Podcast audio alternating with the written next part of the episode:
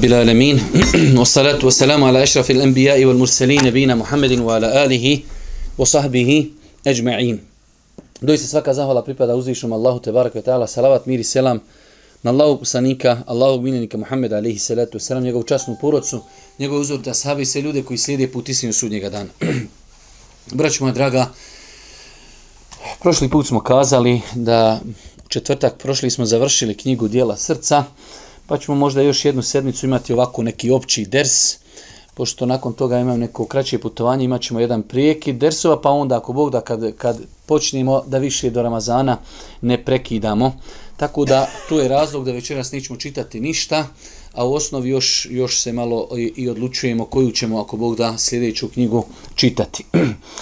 ja sam evo večeras odlučio e, da govorimo nešto, inša Allah, o nečemu što je svima nama potrebno, a s druge strane, inšala, imamo svi neke predispozicije da se tu malo nadograđujemo.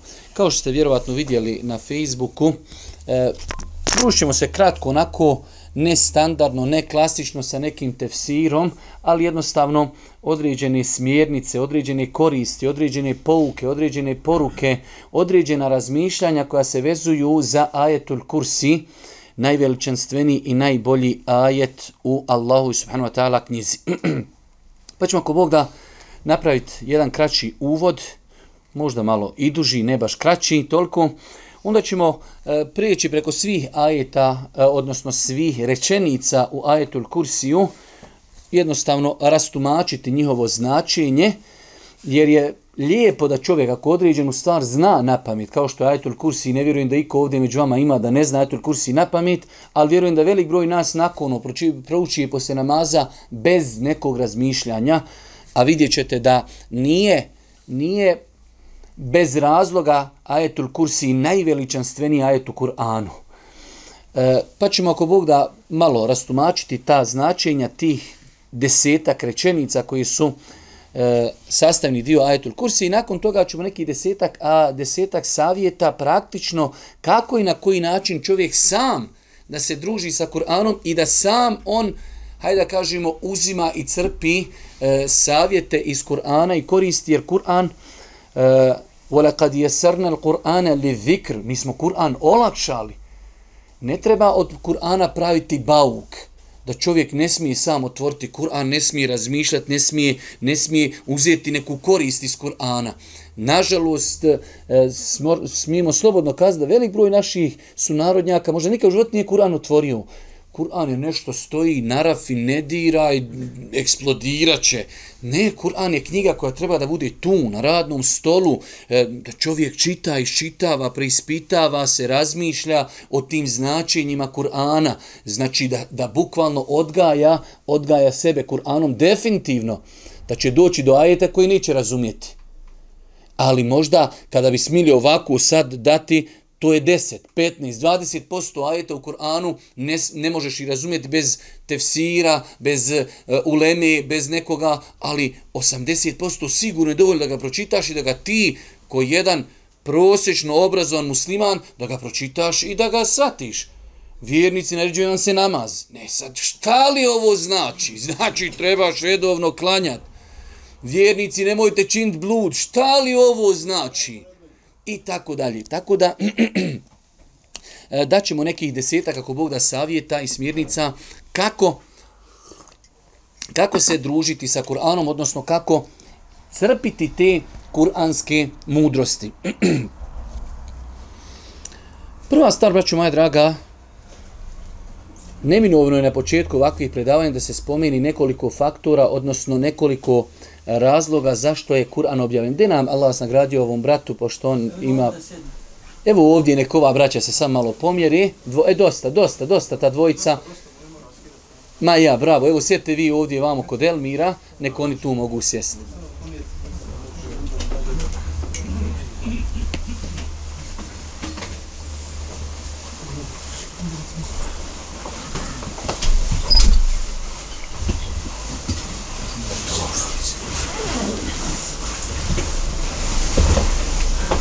Vi koji ste uz njegovu pratnju, sjedite tu pored njega, ostali, evo imate i ovdje, neko može sjest. Dobro, ušli su ko je htio ući, nema više gledanja nazad, gledajte naprijed.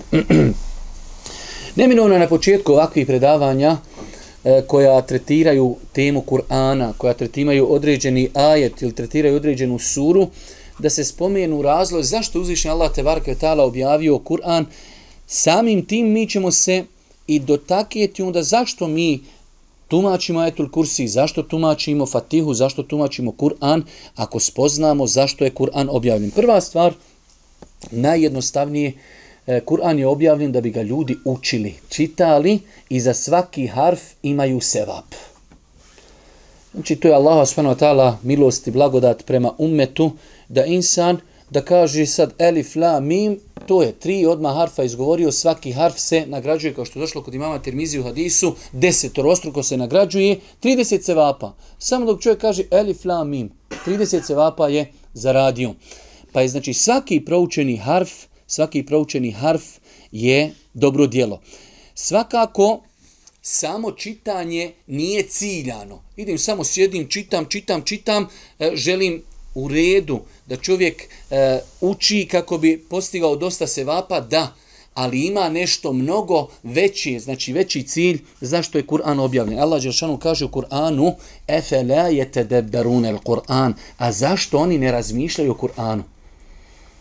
Kur'an je objavljen zbog toga da se o njemu razmišlja, da odgaja insana, Allah poslanik je govorio šeje betni, šeje betni, hudun wa ahavatuha, osjedila me je sura hud, osjedila me je sura hud i njene sestre. Znao je Allah poslanik cijelu noć provesti ponavljajući jedan ajet. Kao što je zabilježio imam Nesaja, s vjerodosnim lancem prenoslaca, cijelu noć stoji klanja noćni namaz in tu'adzibhum fa innahum ibaduk. Cijelu noć ponavlja jedan ajet. Šta je cilj ponavljanja tog ajeta? Jel mislite, Allah poslanik ga nije razumio? Razumio, ali taj odgoj, razmišljanje, pa je veoma bitno da čovjek, da čovjek razmišlja o kuranskim poukama, razmišlja o kuranskim porukama. Vi ćete e, naći u knjigama e, biografije učenjaka čuda. Šihul Islam Tejmije kaže, kada hoću tefsiriti Kur'an, prije nego počnem tefsiriti, pročitam stotinu različitih tefsira pa onda tek počnem nešto govoriti. Da vidim šta je sto različitih ljudi reklo o tom ajetu, poslije onda on dođe i govori o određenom ajetu. I to je neiscrpno. Znači, evo uzmite, danas savremeni e, neki učenjak počne govoriti o Kur'anu, spomeni nekad neku korist, neko zapažanje, neki, znači, osvrt Kur'ana kojeg nikada prije njega niko nije spomenuo. Jednostavno, Kur'an je neisrpa, nemoguće ga iscrpiti. Kur'an je neisrpa, nemoguće ga je iscrpiti. Ali kada? Onog momenta kada se čovjek posvijeti Kur'anu, kada živi sa Kur'anom, svakim danom je uz Kur'an, razmišlja o ajetima, o hadisima. Imam Buharija, rahmetullahi alihi, danas baš savjetujem vam, e, braća iz Alternative Dona Iliđi su izdali jednu mnogo lijepu knjigu za oni koji nisu bili na Iliđi e, u subotu na Dersu ili netlju, ne znam nije kad je bio Ders, pa smo malo promovisali onu knjigu e, izreke ljudi prvih generacija. Mnogo, mnogo lijepa knjiga. Čak razmišljam da je ovdje čitamo 1200 izreka e, velikana ummeta koji su klasificirane u 50 različitih tematika. Pa danas sam malo na Facebook neke stvari tempirao, pa naiđe na onu, na onu izja, izjavu od onog poznatog Buharinog učenika kad kaže imam Buharija je znao u toku jedne večeri 20 puta ustati da zapiše neku korist hadisku. Nije to bilo ko kod nas, brate, ne možeš tu, bite, žao mi te da tako stojiš. Sjedi evo ovdje ili ovdje, dođi bilo gdje, ali ne možeš tu nikako. Žao mi te da stojiš cijelo vrijeme. Pazite, šta mislite da imam Buharija živo u naše vrijeme? Šalter, kompjuter je tamo na stand-by, samo dodirneš, ukucaš, save i ode opet spavat. Ne, nije tu to vrijeme bilo tako. Daj neku lampu, daj nešto upali, daj tintu, daj zapiši, treba 10 minuta i opet lezi spavat. Kaže, po 20 puta u toku jedne noći zna ustat. Znači, taj čovjek, u njega je sav život bio hadis. I zato, zato ćete vidjeti da i danas dan, jer poznato je, sinuć sam o tome govorio u komentaru Rijadu Salihina, Imam Buharija, njegov fik, njegovo znanje nije u hadisima. Njegovo znanje je u naslovima Buharije. Zato kad neko od vas čita Buhariju, ono mi dosta puta naslov ne čitamo. U Buhariji moraš čitati naslove. Svo znanje imama Buharije se vidi u naslovima. I danas dan imate par, eh, par naslova u Buhariji koji ulema nije odgonetljena. Toliko imam Buharija bio dubok, toliko je znao, znači, indirektno neke stvari uzeti iz hadisa i stavi to u poglavlje i danas to ulema kao kaže ovo, ovo poglavlje, Allah zna šta je Buharija mislio sa. Ne znamo. Ali zato je Buharija usto na veći 20 puta. On je spavo, usto, živio, on je živio samo s hadisom. Jedne prilike, iako je u glavi imao hiljede biografija prenosilaca svojom dajđi, tetku, tetki, pošao pisa pismo, nije mu zaboravio mu ime. Zaboravio njemu, ali nije zaboravio ni od jednog prenosioca. On živi, on živi hadis, u njega teče to kroz vene. E, u tom momentu kad se čovjek posveti Kur'anu, znači Kur'an je objavljen da se o njemu razmišlja, da odgaja čovjeka.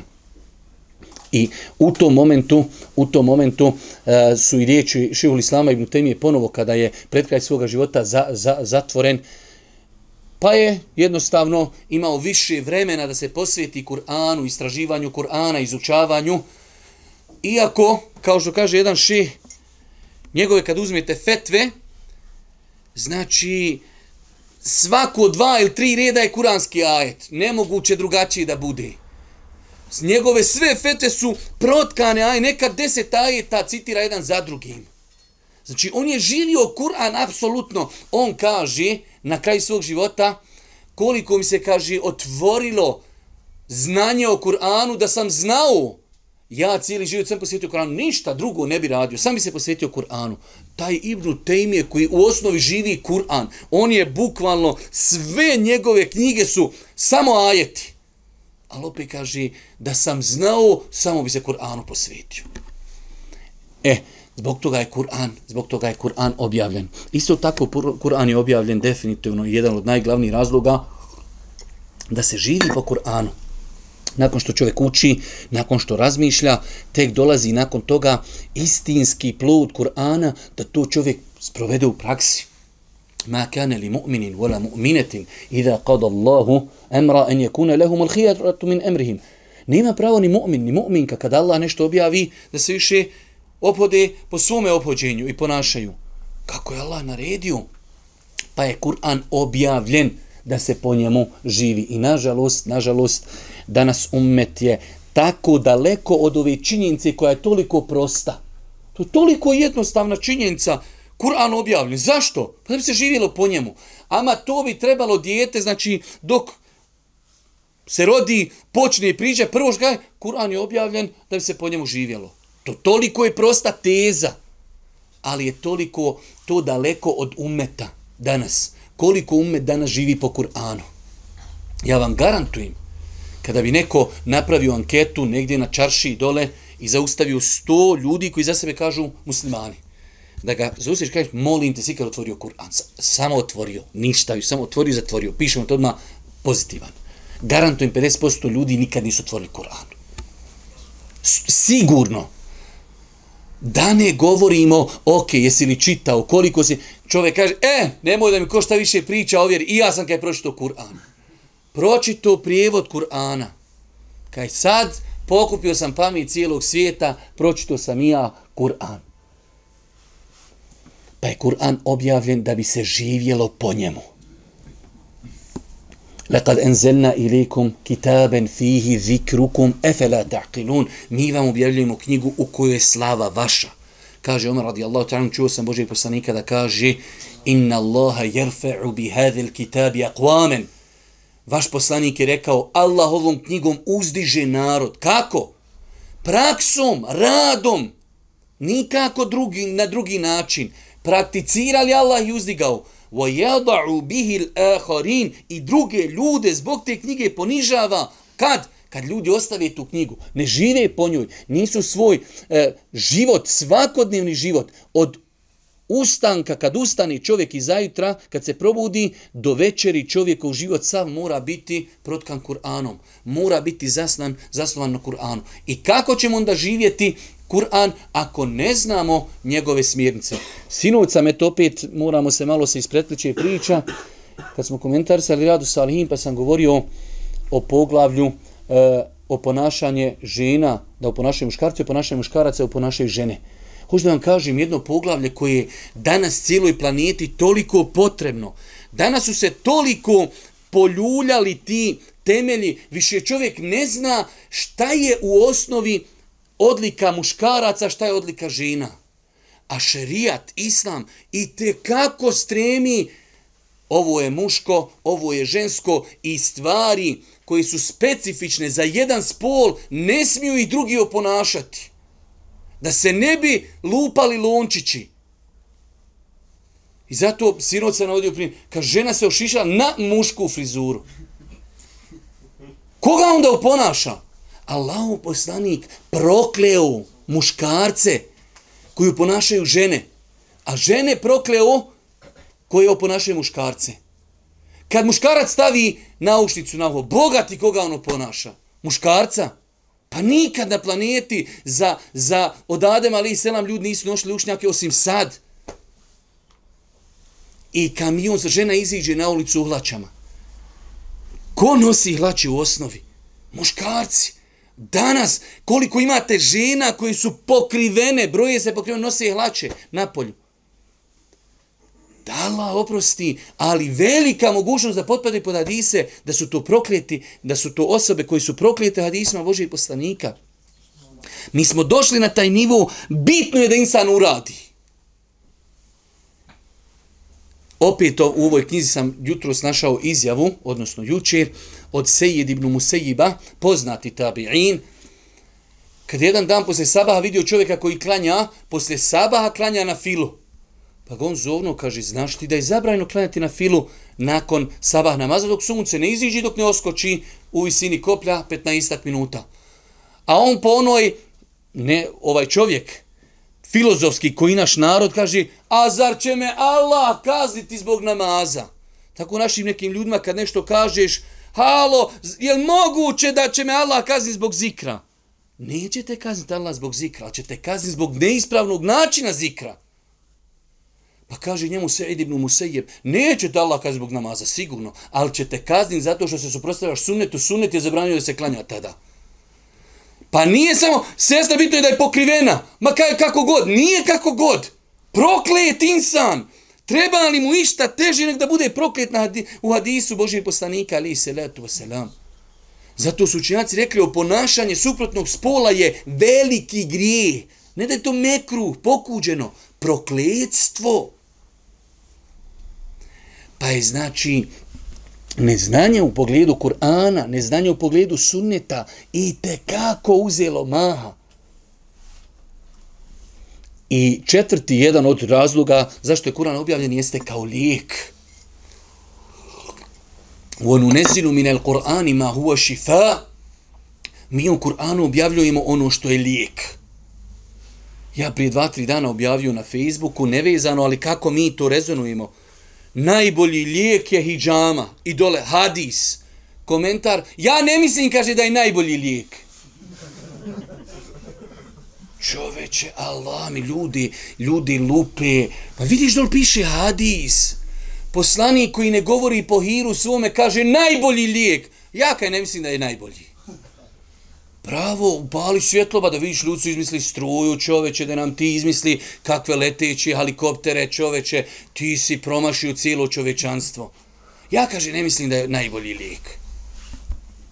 Drugi kaže, meni su radili hijjamu, isjekli me vakon. Brate, nije problem u hijjami, problem u nesposobnom čovjeku i u tebi nesposobnom što si još kod nesposobnog. Hijjama, apsolutno. Ali možda kajem kako ljudi pristupaju Kur'anu, kako pristupaju sunnetu. Pa je Kur'an lijek za fizička i psihička oboljenja, shodno koliko čovjek bude vjerovo u to i koliko se bude oslonjao na uzvišnog Allaha subhanahu wa ta'ala. Po mišljenju nekih učenjaka u Kur'anu, ko zna koliko ima u Kur'anu slova? Aj, puno ima, brate, nismo brojali še, ne znam, nija dok ne, ne vratim se na Google. 320.000 i više, sodno svakako razilaženje učenjaka, ali je pojenta kad čovjek prouči jednu hatmu puta 10, 3 miliona, 3 miliona se vapa čovjek ima samo kad jednu, kad jednu hatmu pročita.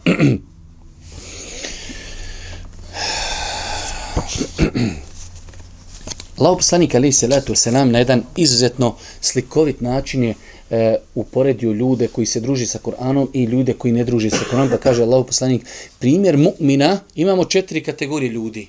Imamo mu'mine, imamo licemire. Imamo mu'min koji se druži s Kur'anom, mu'min koji se ne druži s Kur'anom, licemir koji se druži s Kur'anom i licemir koji se ne druži s Kur'anom. Četiri kategorije. Pa je prva definitivno najbolja mu'min i druži se sa Kur'anom, kaže primjer njega je primjer u truđi. Utruđa, znači razno razni su prijevodi, ali to je nešto kao limon, kao citrus i tako dalje. Pa kaže Allah poslanik, i lijepo miriše i lijep ukus. To je vrhunac. Mu'min sa Kur'anom. Mu'min bez Kur'ana. Kaže primjer njegov je šta? Datula.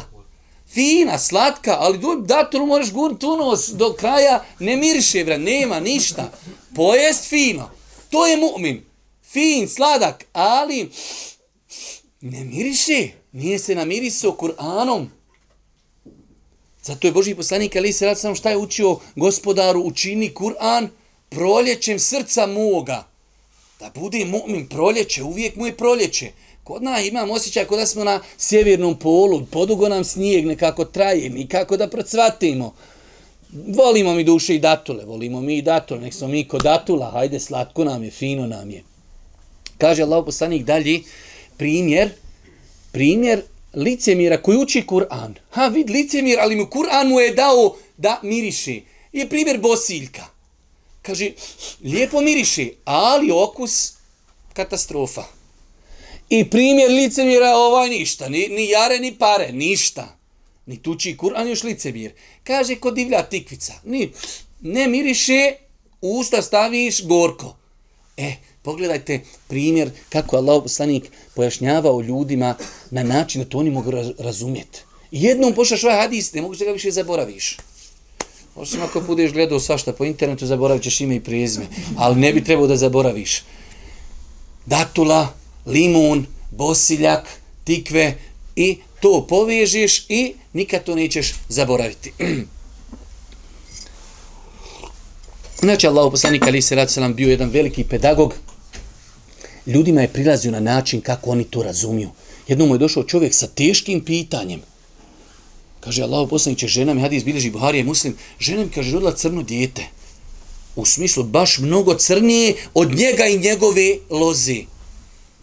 Ono kao sumlja da je, ne daj Bože, žena s nekim drugim počinila blud, pa je rodila crno dijete. Allah poslanik kaže, imaš ti deva? Pa kaže, imam, Allah poslanik. Kakve su? Pa kaže, ima malo i smeđi, ima malo i crvenkasti. Pa kako, kaže, neke smeđe, neke crvenkaste? Pa kaže, genetika, neke pa... E, kaže, ovaj tvoj sinčić i on je, kaže, genetikom potego. Aha. On može sračunati to s devama. Da mu je sam rekao, idi kući u redu, je sve, ne može. Već kad je on njemu preko deva to pojasnio, u redu. Sad sam shvatio ko što deva može biti smeđa, njena druga deva bude crvena zbog genetike, tako i moje dijete na nekog čukun, čukun, čukun dedu crnog se bacilo i elhamdulillahi rabbil alamin. Allah Đelešanuhu, kada govori o židovima o Kur'anu, spominje u negativnom kontekstu jer nisu radili po knjizi koja im je objavljena i to ispominje na jedan, ajde da kažemo, eh, poprilično čudan i težak način. Pa kaže uzvišeni Allah, مثل الذين حملوا التوراة ثم لم يحملوها كمثل الحمار يحمل اسفارا primjer oni kojima je objavljen Tevrat, a nisu radili po, njem, po njemu, je primjer magarca koji nosi na sebi knjige. Jadnik, ko ne zna šta on na sebi nosi. More nosi drva, more nosi čumur, njemu je vazda teško. Nosi knjige u kojima su dukati, u kojima je zlato, zna, ne zna on, boli ga briga, njemu je teško, rastovari sa mene i gotova stvar. Tako i danas umet. Ima Kur'an, ali ništa. Stavi na rafu i umri od gladi. U smislu, Umri od gladi, umri nesretan, nezado, ne znaš što postojiš, ne znaš gdje ti je izlaz u poročnim problemima, nezadovoljan, ne... a Kur'an stoji tu. Samo ga treba otvoriti, samo ga treba učiti, treba sa njim samo živjeti.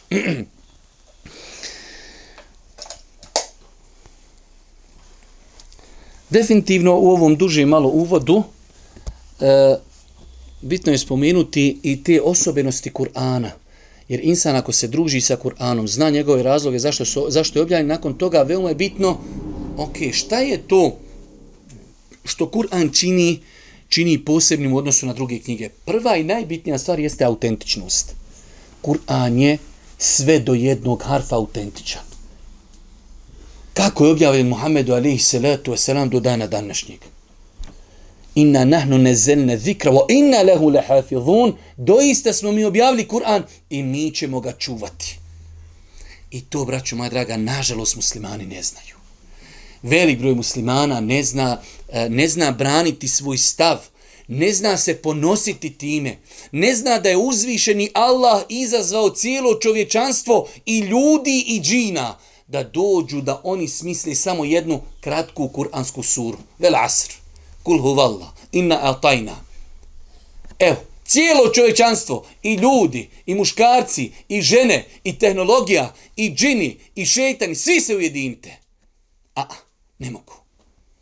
Zato sam ja nekad davno pisao onaj članak, dan kada je kapituliralo čovečanstvo. Vjerujte, to je dan kada je kapituliralo čovečanstvo. Uzvišeni Allah i izazvo i evo 1600 godina izazov stoji. Niko.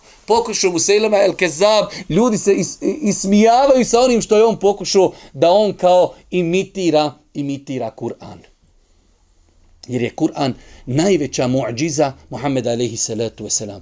Allah poslanik imao razno razni mu'đize, a njegova najveća mu'điza je Kur'an što još možda oni u to vrijeme nisu ni satili koliko mi danas možemo satiti. Čovjek koji je odrastao u jednoj Mekki, čovjek Muhammed Ali Selam koji je bio nepismen u smislu da nije znao pisati, danas šta medicina potvrđuje Kur'an, šta geografija potvrđuje Kur'an, šta astronomija potvrđuje Kur'an. 0,0000000 miliona 0,1 moguće da je to Muhammed u, u jednoj Mekki bio pastir, čuvo ovce, da je on mogao pisati o naukama koje smo mi nakon 1400 godina tek saznali.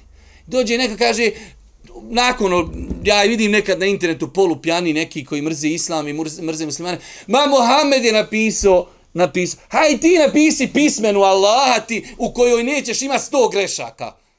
Evo, napiši pismenu vježbu dva lista i daćemo je lektoru da je pregleda. Evo, ti danas imaš internet, vježbe, daj, molim te, napiši. Na bosansku. Dajte mi jednog lingvističara, jednog najvećeg doktora poznavaoca arapskog jezika, nek nađe jednu, ne grešku, greškicu u Kur'anu. S jezičkog aspekta. 604 stranice. Brate, čovjek doktorat radi radi ga 10 godina. Lektor jedan, lektor drugi, oštampa, prvo što napiše, izvinite, kaže, desna nam se štamparska greška, imamo grešaka. I tako, to je insan. Ne može. Allahov govor, apsolutna istina. Allah Želšanu ga čuva. Pa je to najveća vrijednost Kur'ana, autentičan, apsolutno. Kad čuješ ajet, slobodno se zaklijeti da je ga tako Allah objavio. A upravo tako, nemoguće da bude drugačije. Jer uzvišeni Allah čuva, čuva Kur'an.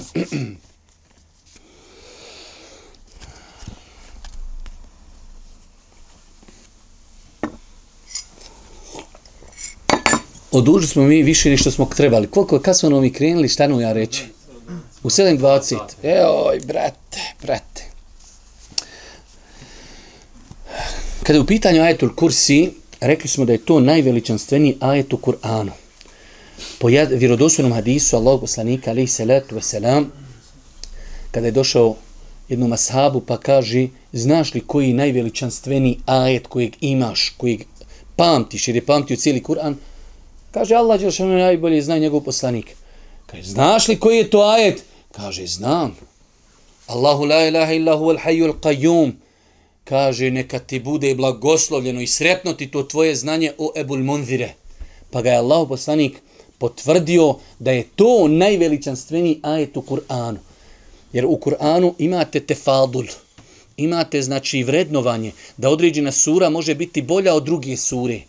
Kao što je rečeno u vjerodostim predan da je Fatiha najbolja sura u Kur'anu. Pa je e, ajet e, El Ihlas sura Kul Huvallah vridi kao trećinu.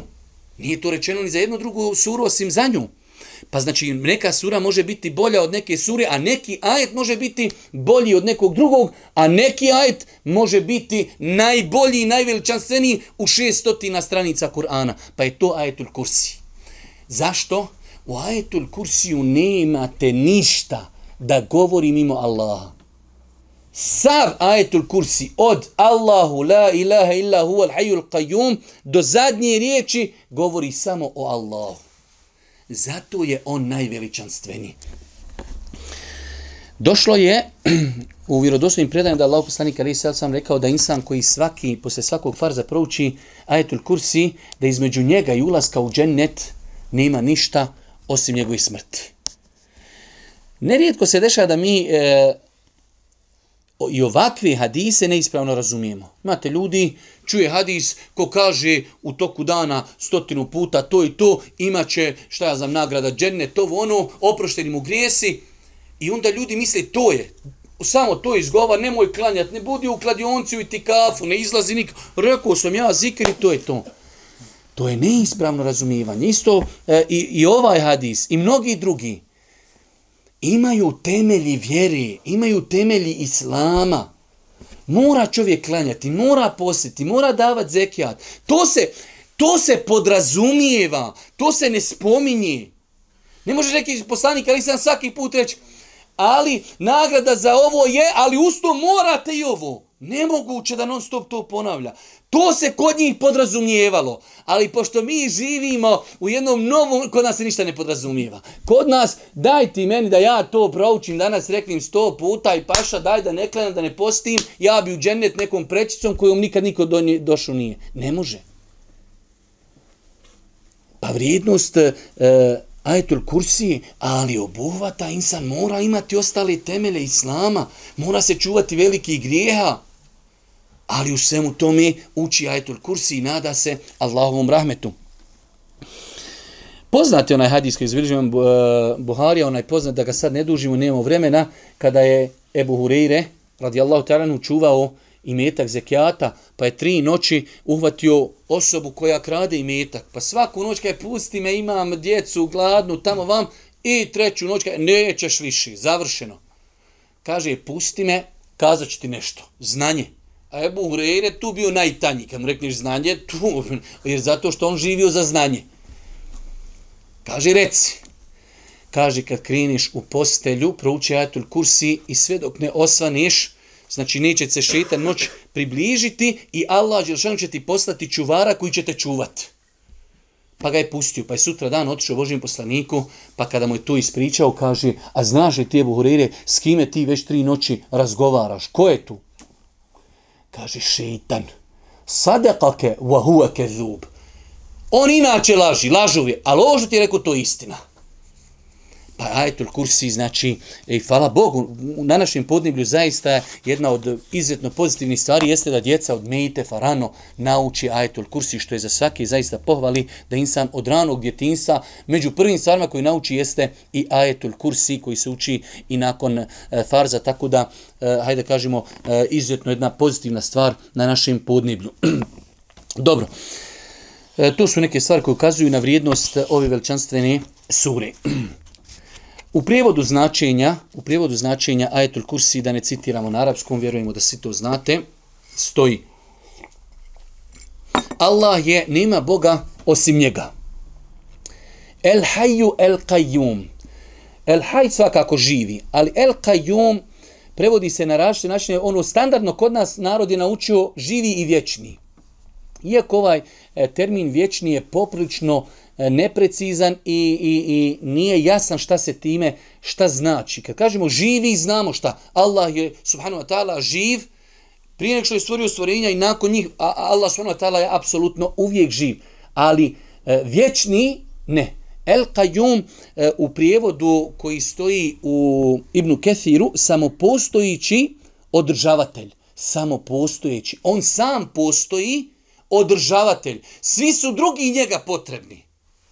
Pa je ovo, iako malo teže za izgovoriti, ali mnogo precizniji, mnogo precizniji i jasniji prijevod. Ne obuzima ga njega, subhanu wa ta'ala, ni drijemež, ni san.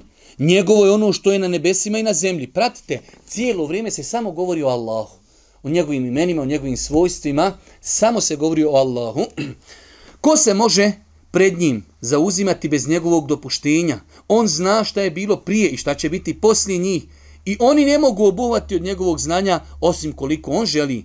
Njegova kursija, zato je nazvan ajetul kursi, njegova kursija obuhvata i nebesa i zemlju. I njemu nije teško održavati zemlju i nebesa, one svevišnji i veličanstveni.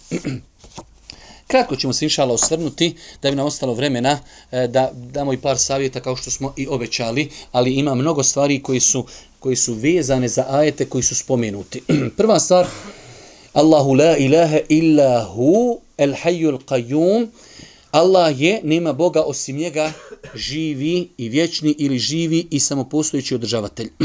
Ovo su riječi tauhida. Ovo je ključ dženneta. La ilaha illa Allah. Allahu la ilaha illa hu. Allah je, nema Boga osim njega. To je najbitnija stvar u čovjekom životu. Zbog toga su svi poslanici slati. Da ljude pozovu da robuju samo Allahu niko ne zaslužuje da mu se robuje, da mu se ibade čini osim uzvišeni Allah subhanahu wa ta'ala. وَمَا خَلَقْتُ الْجِنَّ وَالْإِنْسَ إِلَّا لِيَعْبُدُونَ Ljudi i džini stvoreni su isključivo da robuju uzvišenom Allah subhanahu wa ta'ala. Pa je najveća potreba čovjekova da spozna Allaha, da ispravno vjeruje, da ispravno potvrdi tauhid, jednoću uzvišenog Allaha te barakatala. Vjerujte da velik broj naših sunarodnjaka ima problem u ovim, ovim pitanjima. Garantujem vam, opet, da odemo dol na čaršu i da zaustavimo sto prolaznika koji tvrde za sve da su muslimani i da ih upitamo samo šta znači riječ la ilaha illallah. Šta, šta znači? Pa ćete vidjeti koliko ljudi zna prevesti samo riječi ovi, kamo li, šta iz, iz njih proizilazi, šta se time negira. A islamski učenjaci o tome pišu tomove. Koliko bi našli ljudi procentualno da znaju da su islamski učenjaci postavili uvjete da bi nečije la ilaha illallah bilo validno. Jer navodi jedan od učenjaka, konsenzus islamskih učenjaka, da insan kad bi nako rekao sam la ilaha illallah, sad da uzmemo nekog čovjeka iz Japana, iz Kine, i mi ga naučimo, reci la ilaha illallah, la ilaha illallah, Muhammedur Rasul, i on tako, ne zna šta je rekao. To la ilaha illallah njemu ništa ne koristi. Bez razumijevanja značenja ništa ne koristi. Pa je veoma bitno da čovjek poreda u životu prioritete. Ja govorim la ilaha illallah. Šta to la ilaha illallah znači? Šta iz njega proizilazi? Šta se time negira? Šta sam ja u osnovi kad sam rekao la ilaha illallah? Šta sam ja, eh, s čime sam se obavezao? Vi znate da je Usama ibn Zed, kada su bili u borbi, pa krenuo jednog čovjeka ovaj vidio, la ilaha illallah, hej sad la ilaha illallah. Ubio ga. Kaže, pa je došao Božijem poslaniku, ali se salatu wasalam, pa mu ispričao, osjetio je da je pogriješio. Kaže, Usama, jesi li ga ubio nakon što je rekao la ilaha illa? Ma kaže, Allah posljedniče, on, on je to rekao iz straha od sablje, kakav on i njegovo la ilaha illallah. Kaže, jesi li mu otvorio grudi da ti znaš zbog čega je to on rekao? Pa kaže, toliko je ponavljao, jesi li ga ubio Usama nakon što je rekao la ilaha illallah? Toliko je ponavljao da sam, kaže, poželio da do tada još nisam ušao u islam. Ja, rab, volio bi da nisam, tek sad da uđem, da nemam taj problem na svom vratu. Ubio čovjek koji rekao la ilaha illallah. Riječi la ilaha illallah su krupne. Nose sa sobom obaveze. Nose sa sobom mnogo toga. Pa insan treba da odvoji vremena. Fala Allahu, sad ima internet, ima YouTube, ima koristi uzeti komentar e, da je neko daija, e, neki članak, neku knjigu koja govori o la ilaha illallah, o uvjetima la ilaha illallah. Primjer radi, evo ja sam znanje, zalem, znaj, moraš znat šta znači la ilaha illallah. Nema Boga, nema božanstva koji zaslužuje da mu se čini ibadet i da mu se roboj osim Allah. Pa se potvrđuje ibadet Allahu i negira se od bilo čega drugog. Pa mora to čovjek kazati sa jekinom, sa ubjeđenjem, kako ne daj Bože ne bi ostalo u srcu sumnje, kako ne bi bio ko licemjeri. La ilaha illallah, ja Rasulallah, la ilaha illallah, poslaniće. Allah Žešan kaže, ima ljudi koji kažu, vjerujemo, oni su nevjernici.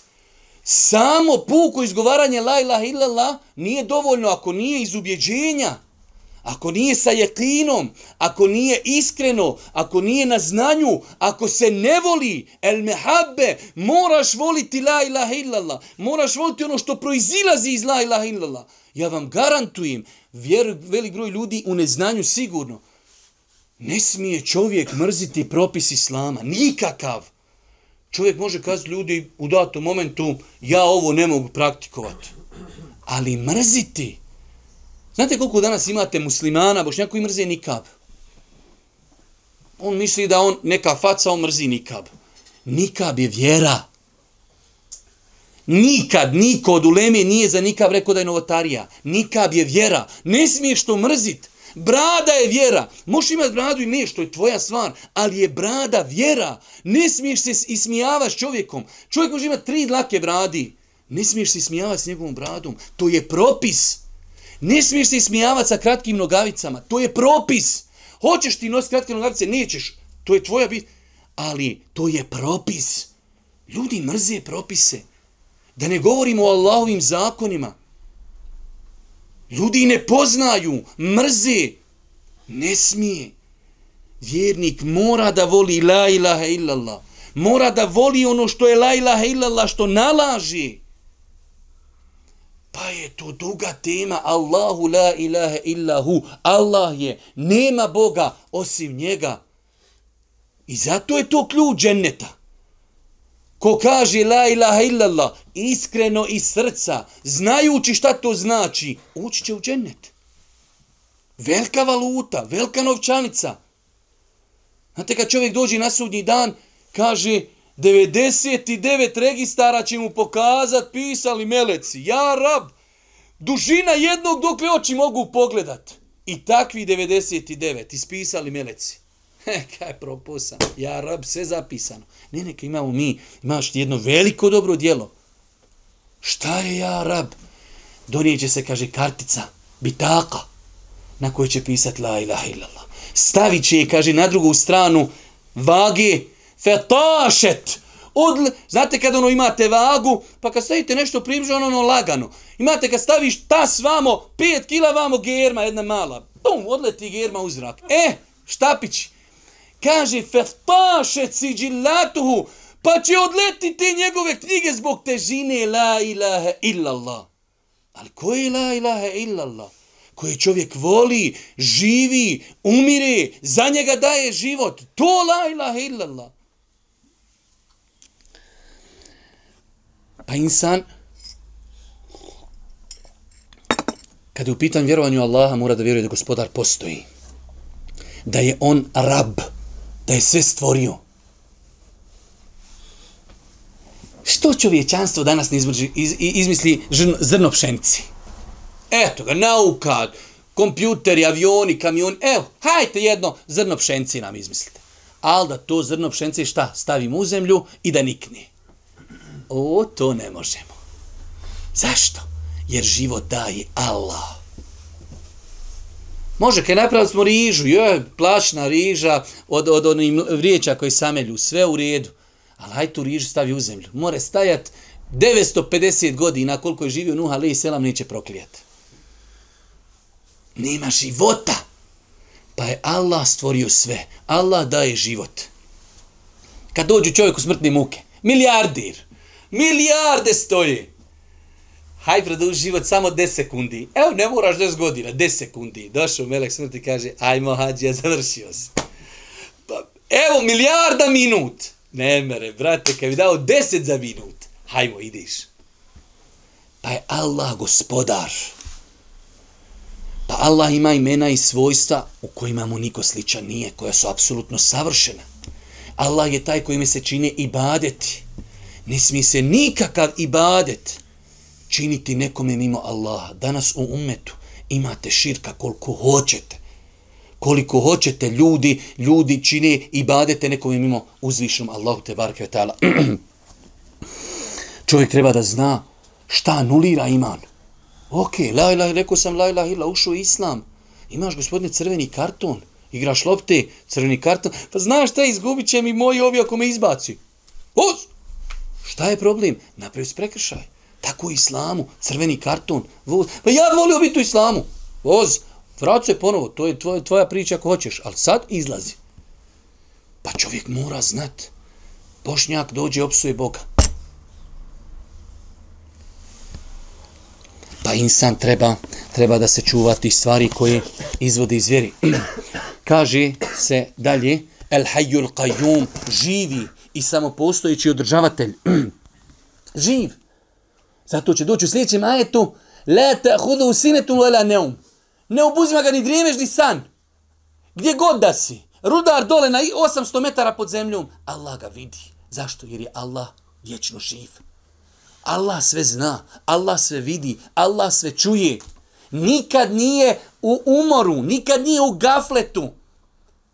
Vidio se, koliko god da čovjek postavi kamera na, na neku firmu, uvijek ima neki čošak gdje se oni sakriju da na push pauzi nešto zapali. Bez obzira. Kod Allah se vreš sakrat. Nema mjesta. Znači, e, ovdje me ne vidi.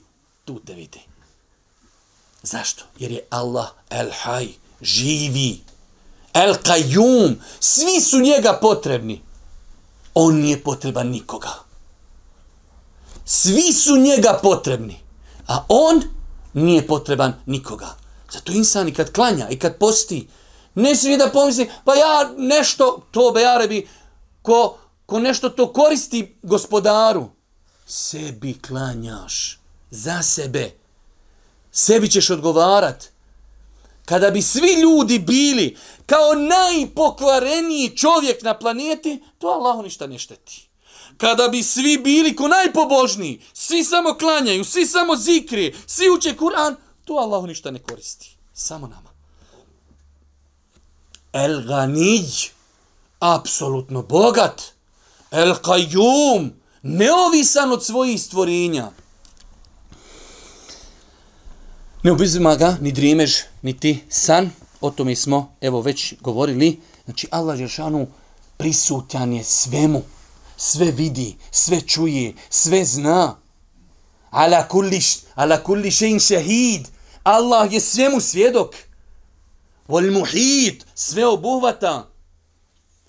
Sve su to imena koje ukazuju na sveobuhvatno znanje uzvišenog Allaha subhanahu wa ta'ala. Lehu ma fi semavati wa ma fil ard. Njegovo je sve što je na nebesima i na zemlji. Apsolutni mulk apsolutna vla, ovo što mi imamo, nešto posjeduješ, to je privremeno, to je iskušenje, to ti je dato da vidiš kako ćeš se ponašat, ali je sve Allahu, tvoje tijelo, ja rab, tvoje tijelo nije tvoje. Sam se jednako kaže tvoje, Allahovo. A to čovjek došao i setovirao se ko, ko, ko daždenjak. Odgovarat ćeš za to. Ne možeš ti se svojim tijelom rašta hoćeš. Ne. Imaš s tijelom da radiš ono što ti je naređeno radiš suprotno, bit ćeš odgovoran. Zašto? Jer to nije tvoje. Lehu ma fi semavati wa ma fil ard. Njegovo je sve što je na nebesima i na zemlji. To toliko otvara vrata spoznaje Ne trebaš se onda bojati za risk, za nafaku, za smrt. Neko će mi nešto nauditi. Apsolutno sve je to Allahovo. Ne može se ništa desiti bez njegovog znanja i bez njegove dozvoli. Njegovo je sve na što je na nebesima. Tada vidiš koliko si potreban svoga, koliko si potreban svoga gospodara. sve nas to opet vozi koliko je obaveza se pokoriš. Gospodar koji je stvorio zemlju i nebesa i sve njemu pripada, naredio ti da klanjaš. Naredio ti da postiš. Naredio ženi da nosi mahramu. Eto hoću, eto vidjet ću, eto neću, eto nije vrijeme i velika hrabrost da insan bude nepokoran stvoritelju Allahu subhanahu wa ta'ala. Men zel ladhi yashfa'u indahu illa bi izni. Ko se može zauzimati kod njega osim njegovom dozvolom? Mi muslimani vjerujemo da postoji nešto što se zove šefat, zauzimanje. I o tom šefatu učenjaci pišu mnogo e, o vrstama, kada i tako dalje. Ali ono što je interesantno, što potvrđuje veličinu uzvišenog Allaha, na sudnji dan kada se dođe, ne smije niko progovoriti da se za nekog zauzme dok gospodar ne dozvoli. Sve ga se u školi. Djeco, tišina, učitelju, a rekao sam tišina, učitelju. Tu smije, na sudnjem danu ne smije niko progovoriti da se zauzmi za nekog osim dozvolog uzvišnog Allaha te barake To je šefaat, zauzimanje. Hvala Allahu Đelešanu, mi muslimani vjerujemo da će biti na sudnjem danu eh, razno raznih vrsta zauzimanja. Pa ima veliko zauzimanje da će Allah poslanik zauzeti za cijelo čovječanstvo da počne obračun. Jer će ljudi biti okupljeni i čekaju, čekaju, čekaju. Pa će početi redom od poslanika, kom je god da dođu, kažu ite drugom, ite drugom, dok ne dođu do Muhammeda a.s. Kaže, ene leha, ja sam za taj, za taj šefat pa će otići moliti gospodara da počni obračun. Pa je to najveći šefat. Pa ima šefat ulaska u džennet. Neće se nikome vrata otvoriti džennetska dok Muhammed a.s. prvi ne uđi. Pa će se Allah poslanik zauzimati za ljude iz svoga ummeta da se nekome povećaju da ređe. Zauzimat će se za ljude koji imaju isto grijeha i dobrih dijela. Zauzimat će se za ljude velike griješnike iz ummeta. I ovo je akida ili sunneta. Imate e, ljudi koji kažu čovjek uradio veliki grijeh, do, u džehennemu vječno u obisel masir. Što nije tačno. Mi muslimani, ehli sunneta, vjerujemo da se ljudi dijele u tri kategorije. Imamo nevjernike koji ostaju vječno u džehennemu, imamo vjernike koji se dijele u dvije kategorije. Oni koji će ući u džennet odma, Allahovim rahmetom, Allahovom milošću, njihova dobra djela su bila teža od loših. Imamo ljude vjernike, ali njegova loša djela su bila teža od dobrih, pa će ići u džehennem da naplate ono što su zgriješili, pa će se vratiti u džennet. Pa će Allahu poslanik ali se letu selam od vrsta šefata jeste za te velike griješnike da će moliti Allah Žešanu da ti ljudi koji su činili velike grijehe, ali su bili vjernici, govorili su la ilaha illallah, bili su iskreni u tome da iziđu i da uđu u džennet. Imamo druge vrste, druge vrste šefata, eh, šehid, eh, eh, mele, meleci i tako dalje. Ali je ono pojenta da je uvjet da bi se za nekog neko zauzimao, mora Allah da to dopusti, da bude zadovoljan sa onim koji se zauzima i sa onim za kojeg se zauzima. A prvi uvjet da bi Allah bio zadovoljan sa njim jeste vjera, ehlu tauhid, da čovjek bude monoteista, da bude musliman, to je uvjet i da se zauzima i da se za njega neko da se za njega neko zauzima, ali opet nam ovo ukazuje na veličinu uzvišnog Allaha tebarka taala da na sudnjem danu to je istinski mulk. Zato je došlo u Fatihi Ar-Rahman Ar-Rahim Maliki Yawmiddin vladar sudnjega dana. Zašto nije rečeno vladar Dunjaluka? Jer gospodar je vladar Dunjaluka definitivno. Ne, na Dunjaluku ima ljudi koji kažu ja sam, ja sam kralj, ja sam vladar, ja nečim vladam.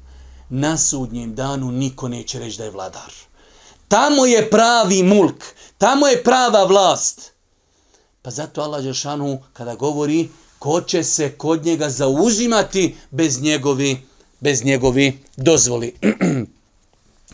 On zna šta je bilo prije i šta će biti poslije njih. Inače, eh, Allahu Đeršanu ime El Alim sa svim ostalim njegovim izvedenicama spominuto u Kur'anu po nekima više od 150 puta. što ukazuje da čovjek kad god čita Kur'an naići će da se govori o tome. Allah zna, Allah zna, Allah zna šta je u grudima vašim. Allah zna, kaže, šta je na nebesima, šta je na zemlji. Zna šta govorite javno, tajno i zna šta je u vašim grudima. Apsolutno sve. Nema lista koji padni, a da za njega Allah ne zna. Sad negdje u dalekoj Africi dole, list opadni, Allah zna za njega a zna za tebe ovdje koji si u Bosni. To je apsolutno znanje. Zna koliko se maternica grči i koliko se širi prilikom trudnoći. Apsolutno sve. Insan kad to svati, završena sam, nema tu više zavist u grudima. Ama što ću biti zavida nekome kad znam da Allah zna za tu moju zavist? Kako ću biti licemir i munafik ako Allah zna za to? Kako ću varati ljude ako znam da Allah zna za to? Pa spoznaja Allahovih imena i svojstava, to je odgoj, to je terbija.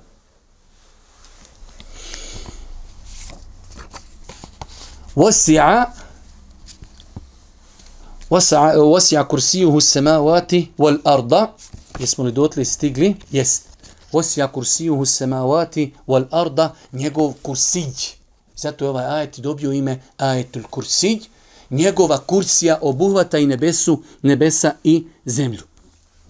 U Ibnu Abbasa imate neki ljudi koji kažu da se ovdje pod riječ kursi misli njegov arš je velik toliko da obuhvata nebesa i zemlju, ali je tačno, kao što je zabilježeno od Ibnu Abbas, vjerodostojnim lancem prenoslaca, da je kursiđ mjesto stopala uzvišenog gospodara.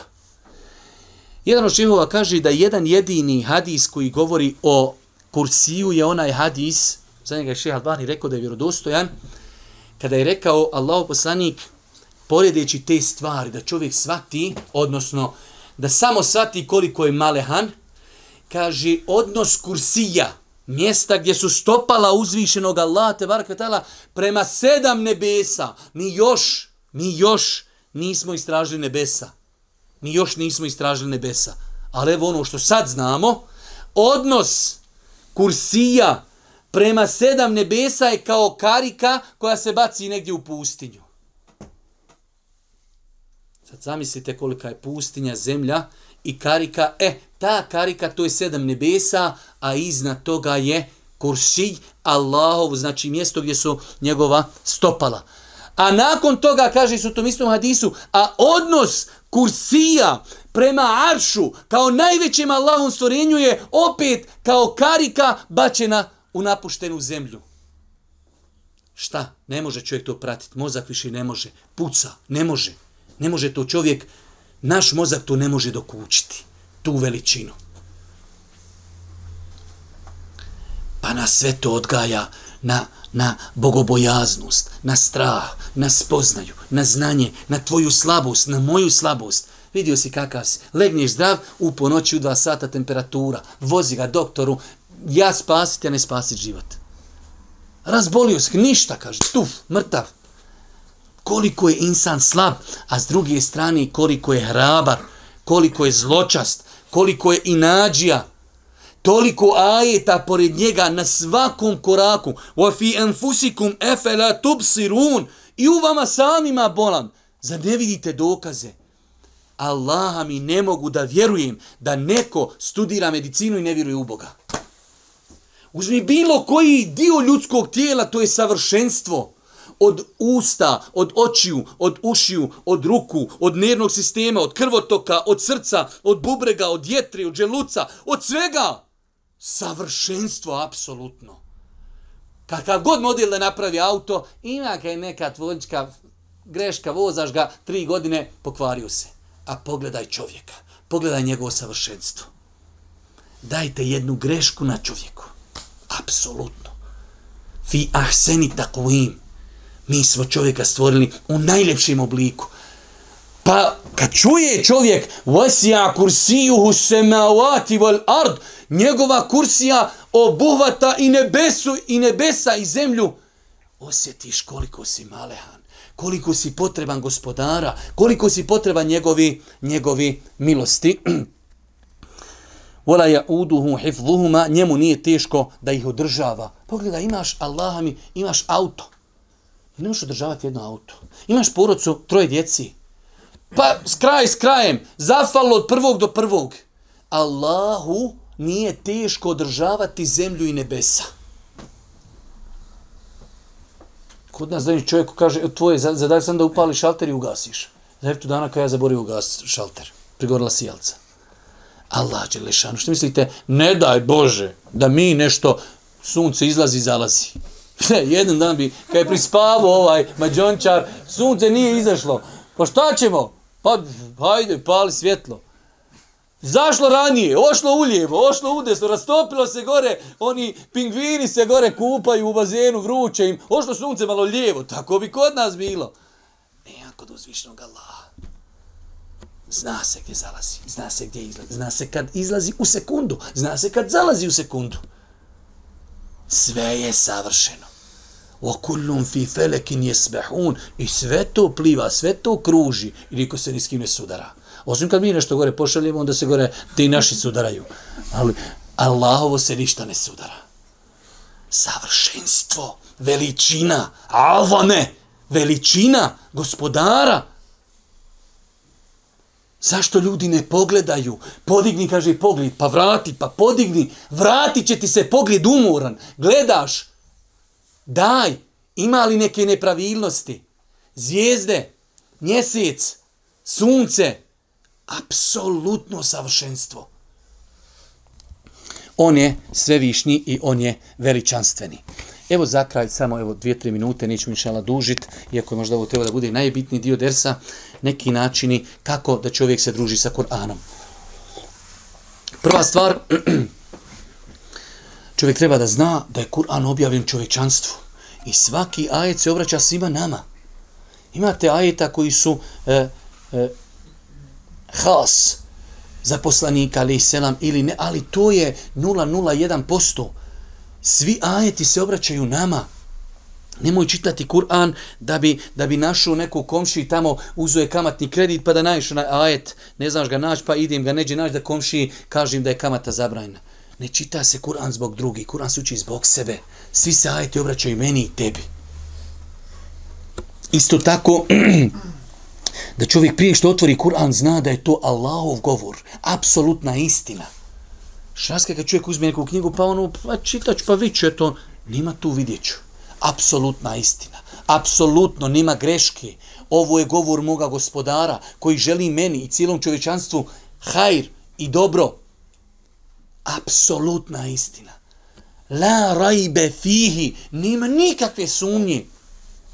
ولو كان من عند غير الله لوجدوا فيه اختلافا كثيرا da je od nekog drugog a ne od Allaha našli bi u njemu kolizije koliko hoćeš nema isto tako dobro je da čovjek kada se odgaja Kur'anom odgaja onako kako je Boži poslanik odgojio svoje ashabe period Mekke je bio odgoj period odgoja Zato je rekla Aisha radijallahu ta'ala u, u hadijskoj bilježi imam Buharija kao predaju, kaže da je prvo objavljeno u Kur'anu nemojte blud, nemojte alkohol, niko ne bi se pokorio. Ona kaže, već su objavljeni ajeti koji govore o sudnjem danu, o Allahu, o veličini, o robovanju, o proživljenju. Kad je se iman učvrstio u srcima ljudi, tada što je kaže, zabranjeno, amin, naređeno, amin, zabranjeno, amin, naređeno, amin. Zašto? Jer ih je ojačao, jer ih je pripremio.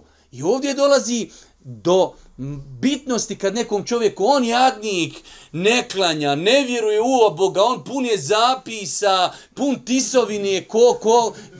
I ti njemu kaže, brate, nemoj duhan. Brate, to, on to robuje tome, bola. on kad ne vidi dim, on inače kad nema dima ne vidi, kroz dim bolje vidi. To njemu, to je njemu šećer.